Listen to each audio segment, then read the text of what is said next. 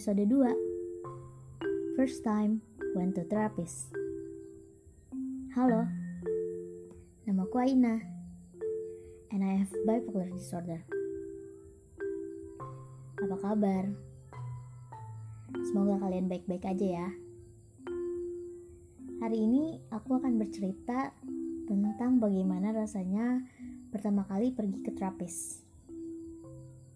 Kata terapis di sini merujuk pada psikolog atau psikiater.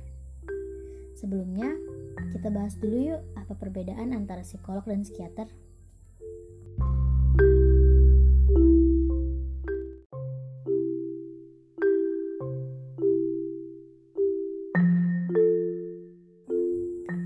Dikutip dari Kompasiana, psikolog adalah profesi ahli dalam praktisi psikologi.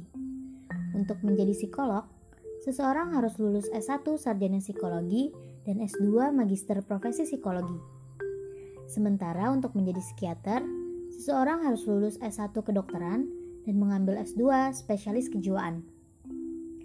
Meskipun sama-sama ahli dalam kesehatan mental manusia, psikolog dan psikiater memiliki fokus yang berbeda dalam menangani gangguan mental. Psikiater berfokus pada sisi fisiologis, misalnya kelainan syaraf dan kekurangan neurotransmitter dari pasien. Sedangkan psikolog berfokus pada sisi mental, misalnya dinamika sosial, pola asuh orang tua, dan pengaruh lingkungan. Psikolog tidak berhak memberikan obat, sedangkan psikiater berhak memberikan obat kepada pasien.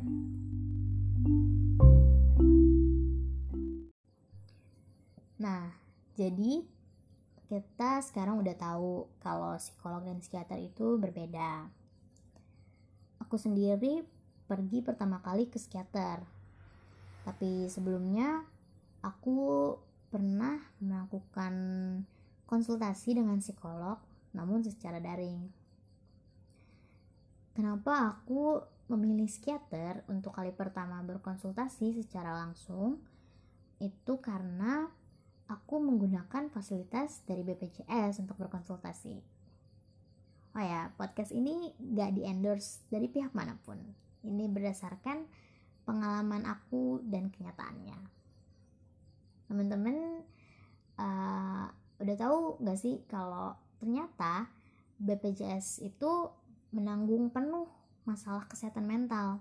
Jadi bukan cuma sakit-sakit fisik aja, tapi masalah kesehatan mental juga ditanggung. Dan prosedur yang dilalui sama sekali nggak rumit. Uh, kalian cuma perlu datang ke klinik atau puskesmas terdekat yang biasanya kalian datangi. Kemudian ceritakan kalau kalian merasa memiliki masalah kesehatan mental, kalau kalian merasa ada yang berbeda dari diri kalian, ada yang mengganggu aktivitas kalian gitu. Nah, dan nantinya dokter akan bertanya lebih lanjut tentang apa yang kalian rasakan, apa yang kalian alami, pengalaman-pengalaman kalian, seberapa jauh itu sudah mengganggu kalian, dan nantinya dokter akan memberikan kalian surat rujukan untuk pergi ke fasilitas kesehatan berikutnya.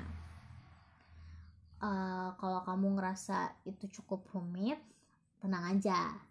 Karena beberapa puskesmas di kota besar itu udah memiliki fasilitas konseling dengan psikolog namun sayangnya di daerah tempat tinggalku belum ada puskesmas dengan fasilitas tersebut kalau di kota kamu udah ada fasilitas uh, konseling dengan psikolog di puskesmas kamu bisa langsung pergi ke sana.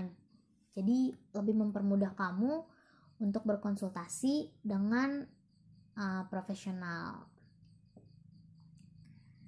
Kamu nggak perlu takut untuk konsultasi ke psikolog atau ke psikiater karena konsultasi ke profesional itu bukan berarti kamu gila. Justru kamu jadi hebat banget karena kamu peduli sama kesehatan mental kamu kamu hebat banget kamu mau cari bantuan profesional karena apa? Karena bukan cuma fisik aja yang penting, tapi kesehatan mental kamu juga penting.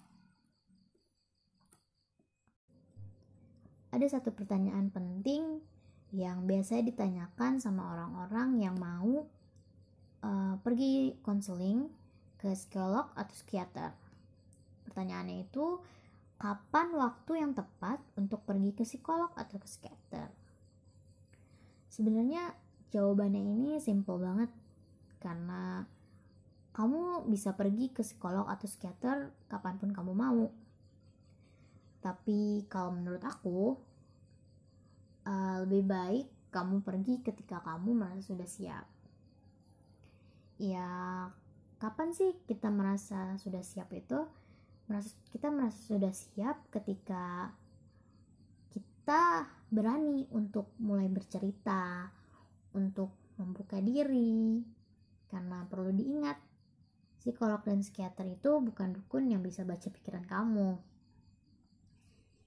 karena mereka butuh sekali sifat kooperatif dari kamu supaya pengobatan bisa berjalan dengan lancar.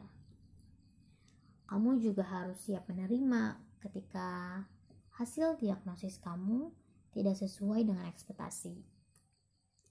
Dan yang paling penting lagi, kamu harus memiliki komitmen dalam menjalani terapi dan pengobatan jika kamu didiagnosis mengalami gangguan mental. Karena aku inget banget uh, ketika kali pertama aku dapet diagnosis aku aku tuh langsung ngelak. Aku nggak terima gitu aja. Aku tuh apa ya menyangkal selama berbulan-bulan.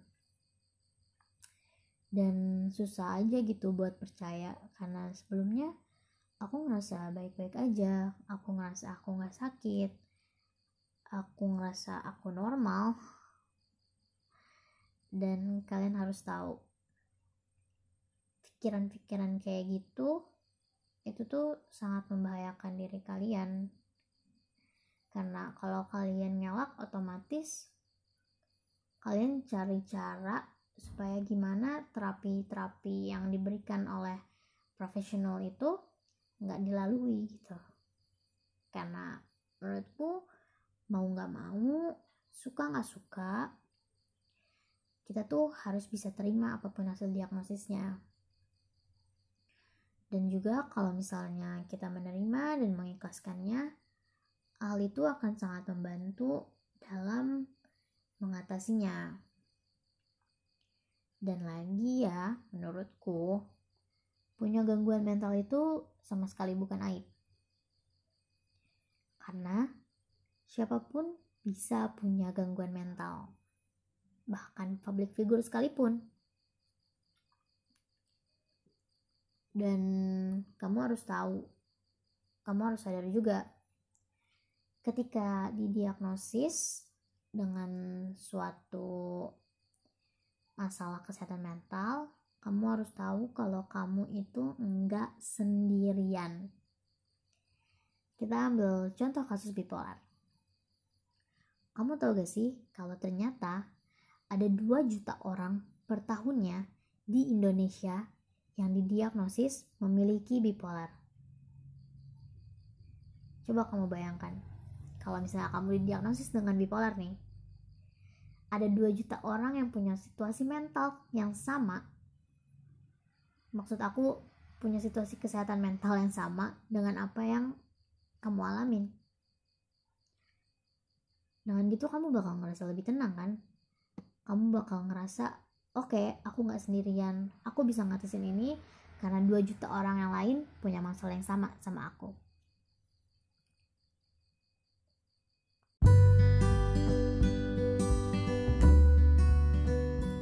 oh iya kalau misalnya kalian akhirnya memutuskan untuk pergi ke psikolog ataupun psikiater kemudian mendapatkan hasil diagnosis yang tidak sesuai dengan apa yang kalian harapkan.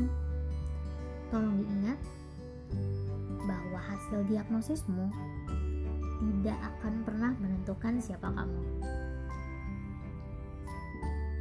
Di episode selanjutnya, hmm, aku masih belum tahu mau bahas apa. Nantikan saja ya. Terima kasih sudah mendengarkan ceritaku sampai saat ini. Sampai jumpa di episode berikutnya. thank you